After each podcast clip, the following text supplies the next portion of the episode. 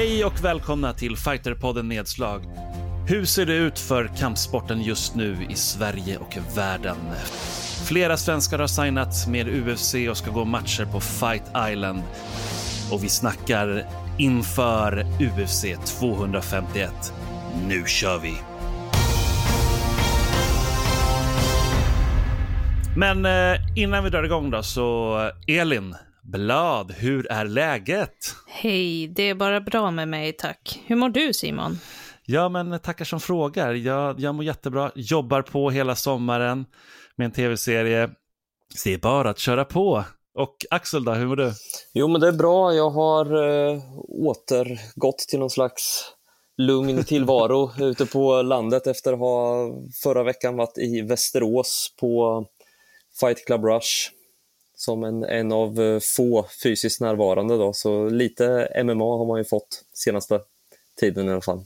Du ska få berätta om det snart, tänker jag. Men Elin, får, blir det någon semester i år eller, eller kör du bara på? Nej, jag ska faktiskt ha ledigt, men eh, jag går först om två veckor. Så jag jobbar en några veckor till, men det, det börjar bli otroligt lugnt på jobbet nu. Juli är ju ändå den månaden då alla kunder går på semester, mm. så för en gång skulle det väldigt lugnt i mailingkorgen, vilket är otroligt skönt. Underbart, underbart. Vi kastar oss in på ämne 1. Hur ser det ut för kampsporten just nu i Sverige och världen? Och då frågar jag dig Elin, vi kan väl börja så här med årsmötet för Svenska Byrå kampsportsförbundet har ju varit, själv missade jag det tyvärr i år. Men det var på länk va? Ja, precis. Vi genomförde mötet eh, digitalt i år och det, det var ju inte bara årsstämman för SBOK som genomfördes digitalt utan alla underförbundens möten.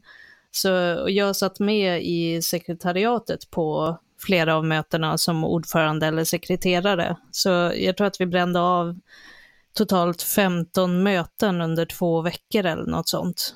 Och vissa wow. var långdragna, så det var, ja, det var en upplevelse, men eh, otroligt lärorikt. Och jag har ju länge pushat för att vi ska erbjuda också att vi, att vi ska kunna ha möten digitalt, så att vi faktiskt fick igenom det i år, tack vare eller på grund av coronan, är, tycker jag är ett stort steg framåt. Så det genomfördes, jag tror att det var det snabbaste årsmötet vi någonsin har haft. För den som inte vet så brukar det vara liksom, alltså jag gillar det, så jag, jag kommer säga nu någonting som kanske får ännu färre att kolla in på det där mötet, för det visas ju alltid, man kan alltid se det liksom digitalt, man kan se det digitalt.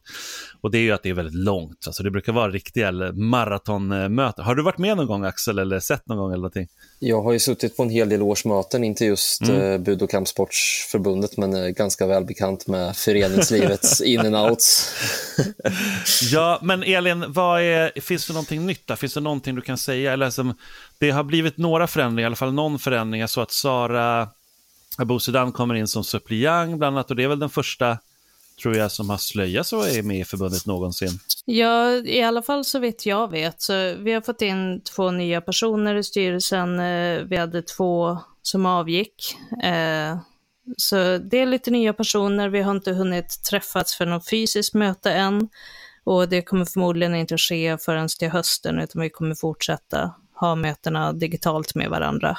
Ja, Spännande. Det blir kul att se vad som kommer hända och sådär, om det blir nya direktiv. Allt kanske inte måste heller handla om corona, det är ju en vanlig verksamhet som ska löpa på också, förstås. Men Axel, du var ju i Västerås, du hintade ju det i början här. Mm. Det var ju då en gala, jag, jag gillar att kalla det inför lyckta dörrar, det är en gammal pjäs för, för den som är riktigt nördig. Men det är lite så, det, är så här, det, det är i alla fall en, var i alla fall en, den första svenska galan utan publik, mm. som var i alla fall den här tiden. Det har ju varit amatörgala tidigare utan publik. Kimura Talent körde faktiskt utan publik. Så det kanske är den första utan publik någonsin. Ja, det skulle väl vara Superior Challenge på uh, valborgsmässoafton. Det var i princip utan publik också. Ja, nu är du taskig Elin. ja, det, men det var lite Dumma roligt Elin. också. Jo, det var faktiskt var några där, få. Så... Det var några få tappra mm. där då på den. Jag var där också faktiskt. Men Axel, hur var ja. det då i Västerås? Alltså, för I UFC säger de ju att det är, så här, det är en eerie, lite så här mm. kuslig mm. stämning. Var det det även där? Ja och nej skulle jag säga. Det, jag tror det blir kusligare på en så stor väloljad maskin som uh, eh, UFC. Det här är ju ändå MMA-Sverige. Det har varit lite mer som ett, vad ska man säga, en eh, familjemiddag där det inte liksom infann sig någon pepp riktigt. Alltså, nej, men det, det, alltså, det är ganska familjärt och, och, och kollegialt, men mm. vanligtvis så tillför ju publiken energi på ett annat sätt. Sen är det ju väldigt häftigt att se MMA utan publik, tycker jag. Särskilt när man sitter i princip eh, cage side och, och, liksom, du har inget annat än bara bara fighten framför dig. Det, den aspekten eh, gillar jag. Ja, det måste ju kännas otroligt intensivt. Det kan ju jag tycka bara av att titta på de här senaste UFC-galorna utan publik, bara det här hur man hör smällarna på ett helt annat sätt och det, mm. det är mycket mer rått, känns det som. Det, det drunknar liksom inte i publikens mm. ljud. Ja, men du hör hör andningen, du hör smällarna, du hör liksom stegen mot eh, canvasen, du hör liksom när tonläget i hörnor ändras och så vidare. Så, så att det, det har ju en helt annan närhet på det sättet, absolut. Det blir liksom bort från den här och det är ju ett, ett, ett, kanske ett plus och, och minus, men bort från det här, eh, jag vet inte vad, vad ordet på svenska är, men, men det blir liksom någon sån här hänryckning på en riktigt bra mm. gala där, där liksom tempot hålls upp och så. Här är det mer ja, men rått. Rått helt enkelt. Publiken gör ju jättemycket. Det, det kommer jag ihåg när jag hade varit och sett någon gala live första mm. gången. Hur jag tyckte att varenda match var ju helt fantastiskt och allt var helt otroligt. Sen tittade jag på den i efterhand igen och bara, det, här, det ja, var det... ganska dåliga matcher, men man tycker inte det när man är på plats, för då känns allt mycket mer. Jämföra prelimsen på en stor gala, eh, som kanske är bättre matcher rent eh, tekniskt, så med typ så här, en ligatävling på Nexus, där, en vinter när ingen vill vara ute och det bara är liksom 150 personer på typ, jag vet inte, det är typ 40 kvadratmeter. Mm. Det är ju liksom mm, den garderob de har som klubb ungefär. Och det blir ju ett enormt tryck. Det är ju ett häftigt ställe att, att titta och, eh, och mm. fightas på. Liksom. Och, och, här är ju något annat, något så lite mer sterilt, kliniskt. Så, så det är cool, cool upplevelse. Kul också med att eh, folk får fightas. De hade ju tyvärr en del matcher som föll, föll bort på grund av mm. sjukdom och, och skador och sånt där. Ja. Så att, eh, det var väl kanske inte det fightcardet som man eh, hade förväntat sig. Men alla, alla matcher levererar ju bra action och hög teknisk nivå. Så att Alltså det var ju spännande, jag såg det på Fighter TV som vi ju alltid som backar upp och sp sponsrar väl det här också. Ja, var kul, det var ju roligt liksom att det fanns en möjlighet för alla att se och sådär och att det blev eh, så bra ut. Jag tyckte det var en bra sändning och så, men, men jag lade märke till ett väldigt speciellt lås mm, mm. som var intressant. Alltså, du som var där, nu såg man, jag såg det, kollade liksom det typ tre mm. gånger efteråt så för att se. Det såg väldigt intressant ut. Kan du berätta någonting om det Axel? Har du sett det Elin förresten? Jag har sett något så här suddigt Facebook-klipp ja. på någonting som ser ut som en blandning av Rubber Guard och Triangel och, och ja. Gogo-plata och jag vet inte. Jättekonstigt. Precis, och det var ju ett eh, så här typ av axellås som mm. bara vissa troligen kan göra, som har rätt, rätt kombination av flexibilitet och hävstänger. Då, men, eh, men skumt, och särskilt eftersom att, eh, att eh, det hade varit en del rubber guard-spel innan, liksom, så den positionen var ju typ etablerad. Och jag satt tyvärr så att jag hade en stolpe precis liksom för eh, huvud och axlar, så jag såg inte själva detaljerna i det. Liksom. Men, men äh, det, var ju, det är ju alltid intressant med tekniker som man inte riktigt ser, ser komma. Särskilt när de liksom segas och smygs ja. in. Liksom. Eller hur? Om vi lämnar Västerås där så har vi också, det, alltså det, det som är mest aktivt, eh, ni får väl rätta om jag har fel, men det känns ju som att det är MMA. Vi får ju, jag pratar gärna om andra kampsporter just nu, men det känns som att de som kör tävlingar just nu är ju MMA. Du har en bubblare där. Knappt det, en bubblare knappt. där. Online-karate ja. är tydligen en grej. Ja, det är sant. Det är sant. Och det, det har väl om. haft sina mästerskap online också. Online, ja men precis. Men det var ju ett tag så jag tänker nu för ja, sommaren. Men, men eh, någon som ska köra i sommar i alla fall, det är ju alltså den internationella organisationen Brave, eh, Mellanösternorganisation som ju kom, skulle komma till Sverige väldigt mycket för Hamzat Chimaev som nu då, vi kommer att prata om senare, signat med UFC. Men det blir i alla fall ett samarbete med Bulldog Media Eh, de kommer köra alltså två galor i Stockholm, eh, bak, som också eh, utan publik på under loppet av, jag vet inte, vad är det, åtta dagar eller nio, tio dagar eller någonting. Så eh, det är intressant. Och deras liksom headliner då är inte där, men det betyder att många andra har blivit signade och, och det, det ser ju, alltså vad, vad är det här Axel? Ja, men det kom ju lite som en eh, blixt från eh, klar himmel. Det har ju gått snabbt med sanktionering och eh, så vidare också, som jag förstått det. Att, eh, Eh, så att det, det, ja, men det är väl kul att de kör och sen så samtidigt är det väl eh, logiskt, Sverige har ju ändå bland de kanske lättare restriktionerna och så nu, så att är det något ställe som man kan som internationell spelare arrangera något i, är väl eh, Sverige. Och det kanske var så att de såg, okej, okay, kommer, det här, kommer Västerås lyckas genomföra en gala? Ja, nej, men det gjorde de. Det var ingen, eh, ingen nedstängning eller starka reaktioner mot det. Så att, ja, men då är det väl bara att köra om man har ett jag vet, jag vet inte så mycket om Braves business-sida, hur de har med tv-deals och sånt, men de kanske har lite press på sig att leverera lite galor. Det kan de ha. De har ju väldigt rika, som har en shake i ryggen bland annat. Kanske en uttråkad shake då, alltså. inte svårare än så. Antagligen. Plus, ja, nej men alltså de har, de har väldigt mycket pengar och sen så eh, har de ju en jätte-tv-deal i Mellanöstern bland annat. Men, men eh, jag tänker också säga att det är spännande med eh, nya galor, alltid tycker jag. Alltid nya organisa organisationer och sådär.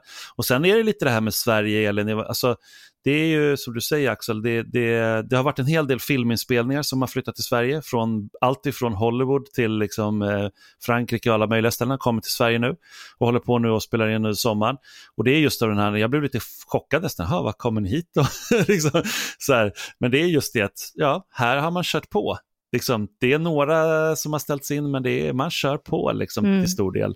Eh, men, med, men med lite andra restriktioner. Ja, men precis. För... Det, det, blir inte, det blir inte så många filmkyssar 2021, det blir, det blir få. Liksom. Men ändå, vad säger du Elin? Kommer det öppna upp mer nu bara? Alltså det, jag, det. jag tycker det är jättesvårt att säga. Den stora anledningen till att idrotten har kunnat dra igång på det sättet som den har är ju för de nya direktiven som, eh, som kom egentligen från den 14 juni där, eh, där man öppnade för tävling för seniorer och man tog bort de här restriktionerna om närkontrakt i idrottsutövandet om det inte är nödvändigt. Men jättemycket av det kommer ju från att det har varit väldigt mycket tryck, framförallt från fotbollen. Det är ju egentligen de som har drivit på hela den här diskussionen och fått de här restriktionerna bortplockade. Skulle, det är i alla fall min uppfattning. Och sen blir det som så mycket annat i den här coronasituationen, det blir upp till vardera spelare så att säga att, att agera på ett sätt som man tycker är säkert och bra. Jag, det, det är väldigt mycket ansvar som lämnas till de som ska befinna sig i de här situationerna, helt enkelt. Absolut. Vi ska köra, dra vidare, men, men bara en reflektion när du sa fotboll. Jag följer ju, tittar ju en del fotboll själv och sådär. Men har ni, har ni tänkt på det att det är ju inte så mycket huliganism och bråk och stora polisinsatser just nu för fotbollsmatcherna. Som att de är kanske ska fortsätta spelas publik. utan publik, det kanske är en bra grej. Oh, där får du många fotbollsfan Det är hatstorm mot Axel. Jag, eh, sa ja, jag sa exakt den grejen, gick ut med exakt den grejen Axel när det hade varit sådana jäkla bråk. Ja. Då var det en, en känd fotograf som brukar jobba med Bur och cancerförbundet som tog bort mig från Facebook i, i liksom ilska. Jag, jag tycker, nu ska jag säga något mer kontroversiellt, och jag tycker att klubbarna ska bära poliskostnaden för sina arrangemang. Jag kan oh, hålla med där. Ja. Men eh, låt oss inte... Det är en annan Men det är en annan där, bara slänger in den. inte vidare med den punkten just nu. Det här är liksom lite galet, för Mårten är inte med oss då, och inte heller Mackan, vår producent, så att det är lite kul. Vi, liksom, nu måste, vi måste låtsas att han är med oss och säga att nu byter ni ämne, hörni.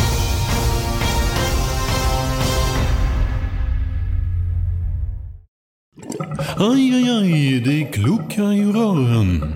Men det är väl inget att bry sig om? Jo, då är det dags för de gröna bilarna. Spolarna behöver göra sitt jobb. Spolarna är lösningen. Ah, hör du? Nej, just det. Det har slutat. Ett poddtips från Podplay. I fallen jag aldrig glömmer djupdyker Hasse Aro i arbetet bakom några av Sveriges mest uppseendeväckande brottsutredningar. Går vi in med hemlig telefonavlyssning och, och då upplever vi att vi får en total förändring av hans beteende. Vad är det som händer nu? Vem är det som läcker? Och så säger han att jag är kriminell, jag har varit kriminell i hela mitt liv men att mörda ett barn, där går min gräns. Nya säsongen av Fallen jag aldrig glömmer på Podplay. Ämne nummer två för, höll på att säga aftonen, men för podden. Innan det så vill jag bara påminna er om att följ oss på Instagram, Fighterpodden. Följ oss. Lajka där, eller följ där säger man va? Och eh, signa upp ett konto på Fighter TV tycker jag också, för det stöd liksom fightingen så att det kan bli flera galor, det tycker jag verkligen. Lämna en recension, betygsätt oss om ni gillar oss, annars behöver ni inte betygsätta oss. eh, och eh, på podcaster och överallt annars. Men nu vidare till ämne nummer två. Flera svenskar har signat med UFC och ska gå matcher på Fight Island. Jag, kör, jag betar igenom det så kan vi säga någonting kort om varje. Då. Vi börjar med de här som är redan klara att de skulle gå. Då tar vi Panik Jansad, 12-5 i record. Går match 25 juli, möter Beth Koheja, 11-4.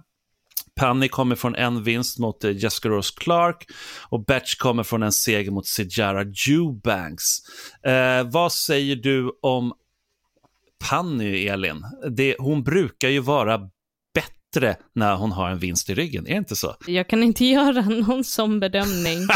eh, framförallt har jag inte ens funderat på det ur den, eh, jag har inte gjort den analysen, Nej, men okej, okej. Eh, jag tycker det är jättekul att hon ska gå matcher. Jag tror att det kommer bli en tuff match Mm. mot eh, Beche också. Ja, vi kör vidare så får du kommentera den här matchen där istället Axel. Jack Hermansson, 25, är tillbaka och går match. 19 juli möter Kelvin Gastelum, alltså vilken jäkla match. Eh, Jack har fyra, eh, hade fyra raka segrar ska jag säga i UFC då han sprang på Jared Cannonier i september 2019 i Köpenhamn. Förlorade tyvärr den snöpligt. Gastelum, han slog ju Bisping. Han slog Jacare i rad, de två. Sen förlorade han ett domslut mot Israel Adesanya och sen ett delat domslut mot Darren Till. Nu möter han Jack Hermansson. Alltså, Ja, det är ju en dröm, drömmatchen i mellanviktsdivisionerna. Men Gastelum är ju en sån fighter som även att han varvar förluster och vinster så ser man ju bara på sig att det här är någon som har så här fighting-kvaliteter utöver det vanliga och man kommer titta på honom så länge som han, eh, han går matcher. Och Eh, Jack är väl det stora skandinaviska bälteshoppet just nu får man väl säga ändå liksom. Och en grym fighter med ett riktigt så här det jag framförallt gillar med Jack är ju att han har ett game som är sitt eget och som han liksom när han vinner så är det för att han implementerar precis det han vill göra. Han går inte bara in och känner lite, gör lite tekniker, utan han, han, det är så tydligt att han har en, en idé om vad han vill göra med sin motståndare och att lyckas inte de stoppar honom från att göra det så blir det en, en riktigt, riktigt tråkig kväll på jobbet. Liksom.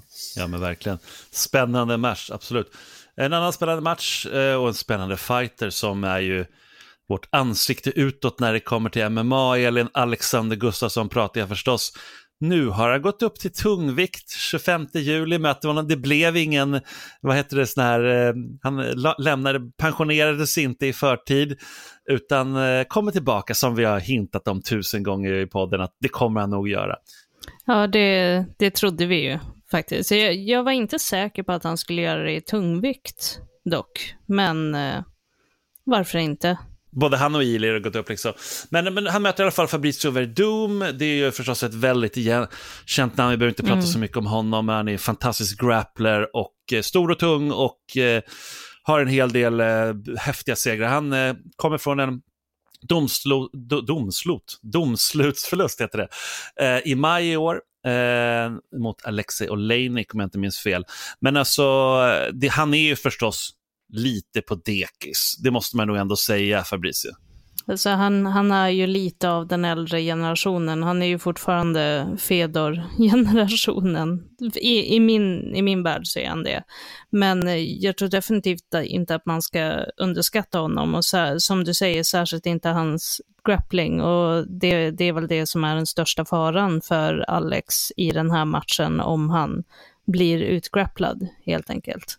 Eh, så vi får hoppas att han lägger ordentligt med tid på, på den träningen nu inför. Det blir extremt spännande. Det är 25 juli, om jag inte redan sa det, eh, går den matchen av stapeln på Fight Island.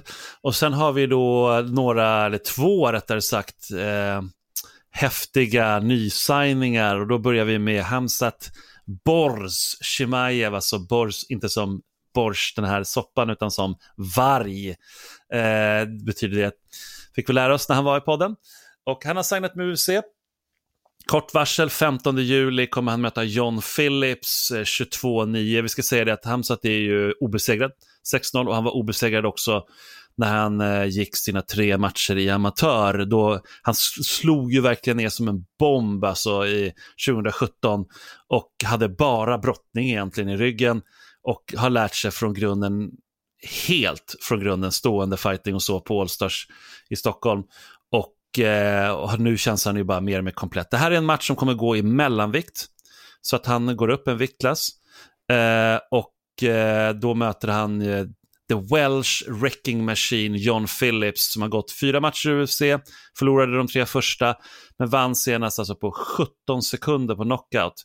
Eh, han har också sagt innan att han ska gå in stenhårt och försöka knocka Hamzat direkt i början, men att han också kan strypa ut honom om det behövs.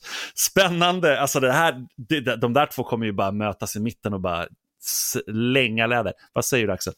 Ja, nej, men precis som du säger, det är ju garanterad actionfight skulle jag säga. Bra första match för eh, Hamzat också i eh, UFC skulle jag säga. Det är väl ett bra sätt. Jag, jag kan, tänka mig att alltså när, hans eh, stil och, och den mentalitet som han, han visar upp så är han ju en perfekt fighter för att ta en, en fight på det här sättet på, på kort varsel. Han är, är ju uppenbarligen eh, hungrig för att liksom bevisa sig i MMA-världen, så det, det är väl toppen.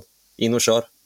Eller hur? Du såg ju honom såklart också i Västerås, därför han var ju där. Han såg jäkligt stor ut. Jag har aldrig sett honom så stor. Alltså, herregud. Han har verkligen, och det ser inte ut som att det liksom är fett han har lagt på sig, utan det är liksom, jäklar. Bra mat och hård träning. Han såg också, men som coach vet jag inte om han var världens bästa liksom, coach. han kom inte in i buren och coachade sin fighter eh, på, i Västerås där, utan stod utanför. Han, han, gör saker på lite sitt sätt, men han är ju en fantastisk fighter, alltså verkligen. Shit vad duktig han är. Eh, vill du säga någonting om Hamzat Elin? Eller för, du har ju också eh, träffat honom och sett honom på gå matcher. Mm, nej men jag, jag, tycker att det är jättespännande att han har kommit in. Det, det, det är ju ändå fortfarande relativt tidigt i hans karriär. Mm, ja. eh, så, så lite är det ju, det, det, är hyfsat mycket som står på spel, skulle jag säga. Att komma in så här när man är så pass hypad och, och har, har det i ryggen som han har, utan att ha verkligen utmanats i de här högre organisationerna och av, dem, mm. av lite mer kända namn.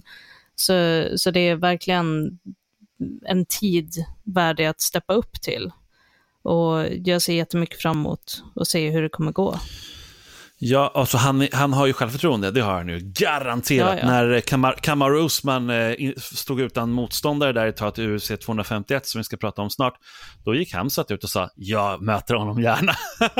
och jag, vet, jag har hört snacket hur det går på klubben där och de är så här, ja men, eh, alltså Majdi sa det på riktigt till mig så här, att han, men han tror nog faktiskt att Hamzat kan slå Kamaru Usman.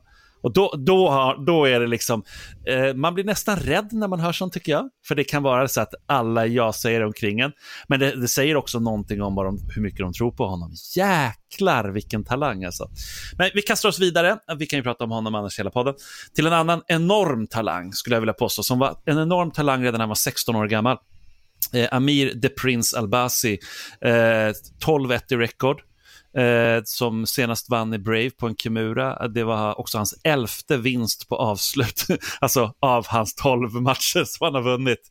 Eh, han har fått eh, kontrakt igår när vi spelar in det här och han kommer möta Malcolm X Gordon, 12-3 som den 18 juli, som också gör debut och han kommer från fyra raka segrar. Alltså Elin Amir har ju ändå så följt oss, nä eller varit nära oss under den här eh, tiden vi har hängt i Kampsport Sverige. Och jag, vet inte, jag, jag träffade honom när han var 16 år just. Eh, så där, och han gick ju alltså proffsmatchen när han var 16 år i Skottland, vilket var helt galet. det kan man inte göra idag.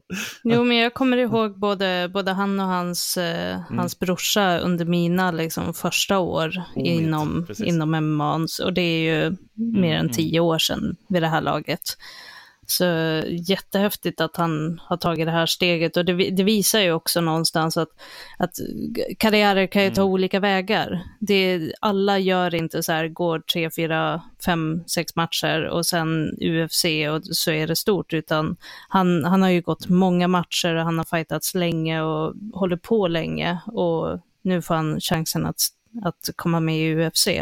Så det jag, jag, kan tycka att det är hälsosamt att det visas att det finns flera ja. vägar. Det är inte bara det här hype-tåget som går, utan man kan arbeta sig dit också. Han bor ju i England och tillhör London Shootfighters och han, han är ju Eh, en väldigt duktig grappler också förstås. Eh, har ju på juniorsidan, redan som junior var han ju uppe liksom i världsklass i, i, i submission wrestling och sådär. Så han, han, är ju, han är ju vassast alltså på alla sätt. Och den här killen han möter, jag har kollat in lite vad han har gått för matcher och han, han är en riktigt bra grappler älskar att gå på stenhårt och bara liksom slunga iväg sina liksom rallarsvingar. Alltså det, det är lite som Amir kör också. Så att de kommer, precis som Hamsat-matchen där, det kommer bli, jag tror att det där kommer vara liksom, alltså det, det kan bli fight of the night, alltså det, det är på den nivån från två, två debutanter. Om de inte blir för nervösa, Axel, vad, vad skulle du säga? Ja, nej, det tror jag inte. De är väl erfarna båda två och säkert sugna på att... Eh, nej, men jag tror att det blir någon bra actionfight. Jag tycker Amir, det är intressant. Man har, han har varit med länge, liksom, men, men man har inte i, i... vet att han har hög potential, men man har inte liksom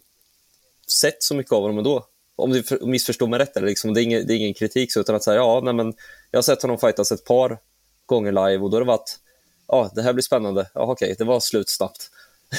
man inte liksom, och då vet man inte, okej, okay, är han så extremt bra eller har han inte mött någon som, som mm. har, har kunnat stå, stå emot honom än? Så det blir, jag tycker det är jättespännande. Jag tror det är perfekt timing för honom också om man, om man får eh, mm ja, men inte bara kastas rakt åt, eh, åt vargarna, liksom, utan en, en bra möjlighet att ja. utvecklas i UFC. Är nog... Jag har en fråga. Tror ni att det är för, till för eller nackdel för debutanter att det är utan publik? Oj, svårt att säga faktiskt. Jag, jag tror att det, det, är för faktiskt. Mm. Det blir mindre nervositet kanske. Det, det påminner lite om sparring, men det är klart att det är nervositet ändå när man kommer dit. Alltså, för det många tror jag glömmer, det är att det handlar verkligen inte bara om att när man går in i bur, till buren, utan allting runt omkring. Alltså har man varit bara på hängt minsta lilla behind the scenes på en UFC-gala, mm. fattar man vilken enorm cirkus det är. Vilket är en enorm cirkus bara på en Superior Challenge-gala. Eller bara, bara, det är ju Sveriges största gala. Men jag mm. menar, det är ändå så här, det är en cirkus. Det är väldigt mycket människor och det är runners som kör dig på olika chaufförer och det är hit och dit. Det är liksom som en större filminspelning, skulle jag vilja likna det med. Och det blir ju folk nervösa av. Liksom. Men vi måste, vi måste dra vidare, vi måste dra vidare, för vi kan prata om det här länge. UFC 251. Det har ju varit mycket baserat kring eh, att Kamaru Usman stod utan motståndare när Gilbert Burns. Han hade bara egentligen lite ont i huvudet, men det, han, ja, han eh, var, testade positivt för corona och han och hans team fick ta en bil och åka hem eh, från Las Vegas. Och Masvidal har ju varit på tal att ta matchen tidigare, men har ju på grund av pengaskäl då inte tagit den. Men nu när det behövdes en motståndare så var det ju som att hela liksom Masvidals taktik var genial. För nu har han fått, kanske inte, han säger att han inte fått exakt det han ville, men han får ju ganska stor del av pay-per-view och han tror att han säljer väldigt mycket. Och jag menar, ta mig fan, han är väl en, han är väl en av de mest... Han är ju väldigt hypad. Han är väldigt hypad, men är det inte så att det, han är det så länge han liksom vinner? På det här när, när man kör mm. sån stil, eller vad säger du Axel? Jo men det tror jag och det här ska bli intressant att se liksom hur Jag tror att Kamaru kommer vinna eh, okay. ganska, ganska övertygande eh, av liksom bara rent hur deras stilar matchar upp mot varandra men, men eh, det, det, tror jag och därför är det väl extra kul att så här, han får den här titelmatchen för hade han typ inte fått den nu utan det här fått gå över lite, man vet inte hur länge han skulle fortsätta knocka folk i, i första, andra ronden liksom och hålla mm.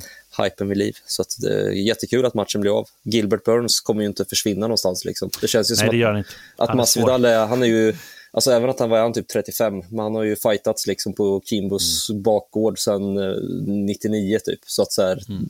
han, hans tid är nog, hans bästa år är nog tyvärr liksom bakom honom skulle jag tro. Tror du? Nej, jag tycker han ser ut som en helt ny fighter Ja, men hur länge han kan hålla i det liksom. Ja, det, det, vet, det vet jag tusan, men han ser ju ändå, han har aldrig sett så här bra ut. Och, eh, som nu och jag menar, han har ju uppenbarligen lärt sig också kapitalisera på det. Mm. Men eh, det är ju, alltså är du en av dem då Axel som tänker att eh, Masvidal, om det hade, matchen mot Ben Askren hade gått längre tid så hade han förlorat den? Inte nödvändigtvis. Alltså det, det är bara rent så här, eh, Masvidal har ju fightat större delen av sin karriär i lättvikt, de flesta matcherna, där han varit en lite längre, och det syns i hans grappling-stil, alltså han grapplas som en lång person. Alltså i hur han försvarar nedtagningar, vad han går på för grejer och så liksom. Eh, använder giljotin för att försvara singeläggs och sånt, sånt som är svårare att göra när du möter någon som är fysiskt större.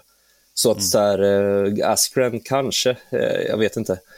Eh, svårt, men, men alltså, jag tror folk underskattar vilket monster. Jag tittar på statsen där, alltså Camaro har ju högre output, bättre försvar, fler, eh, inte fler finishes liksom, men, men en, eh, på, på fötterna så ska man nog inte förutsätta att det är en, eh, en enkel seger liksom för, Nej, nej. för Masvidal. Spännande, spännande. Det är flera intressanta matcher som vi behöver gå igenom där, men eh, Alexander Volkanovski kommer att möta Max Holloway. Det är en rematch eh, eh, där eh, Volkanovski vann då förra gången på domslut. Och det intressanta med den matchen, Elin, jag vet inte om du har följt det, men det är ju att, att eh, Max Holloway alltså har ju verkligen följt restriktionerna till fullo.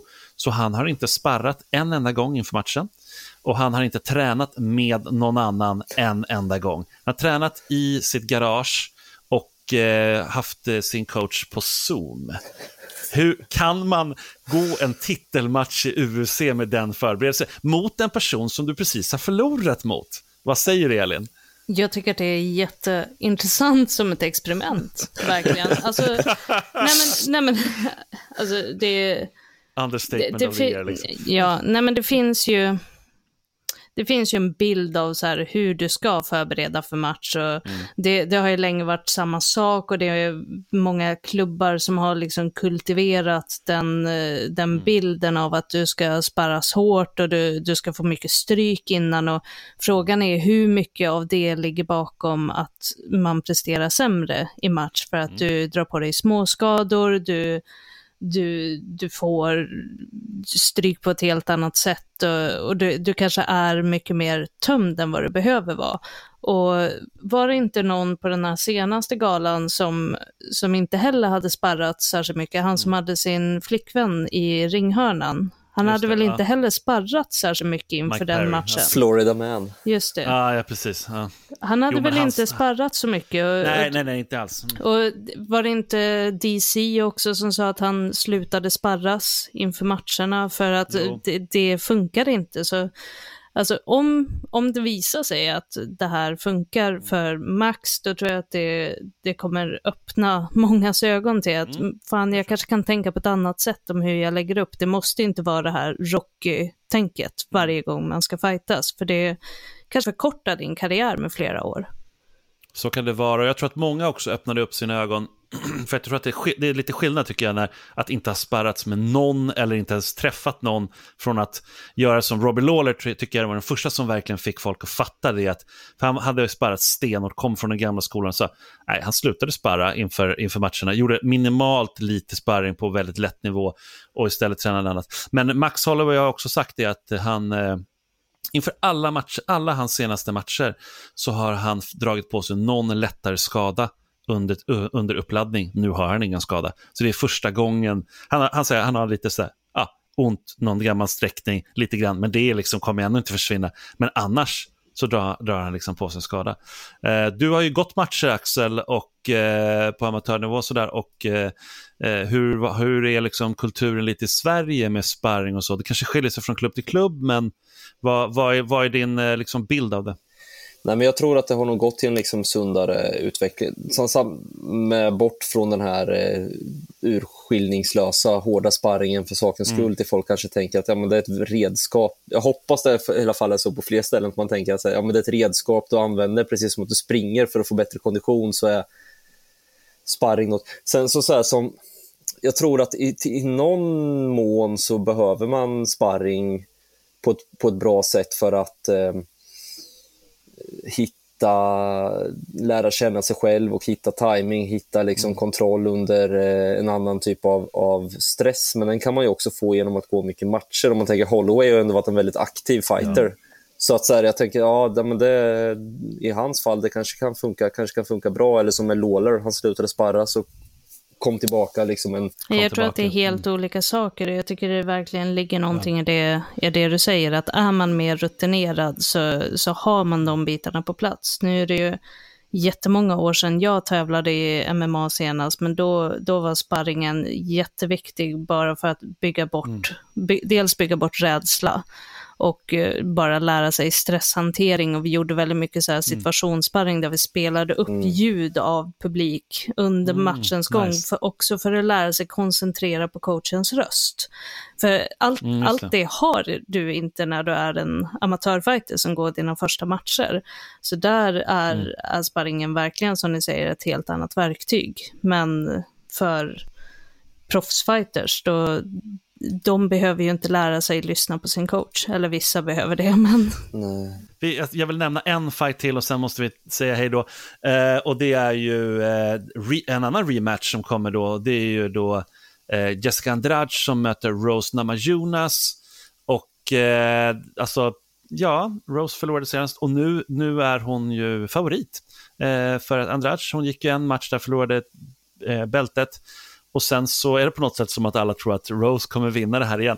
Vad, vad är det någon av er som vill eh, uttala sig Det enda jag vill matchen? säga är att jag måste hoppa in i ett möte nu, så jag måste dra. ha en Hej fin helg, vi hörs sen.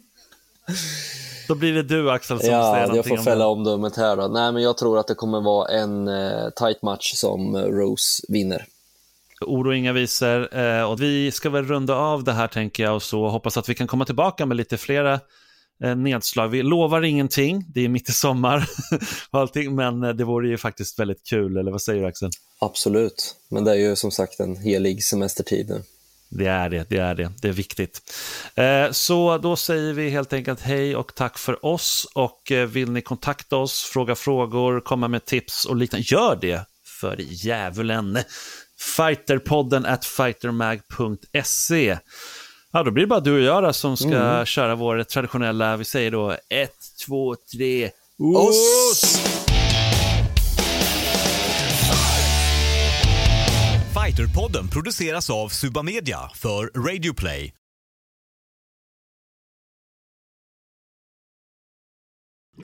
Aj, aj, aj, det kluckar i rören. Men det är väl inget att bry sig om? Jo, då är det dags för de gröna bilarna. Spolarna behöver göra sitt jobb. Spolarna är lösningen. Ah, hör du? Nej, just det. Det har slutat.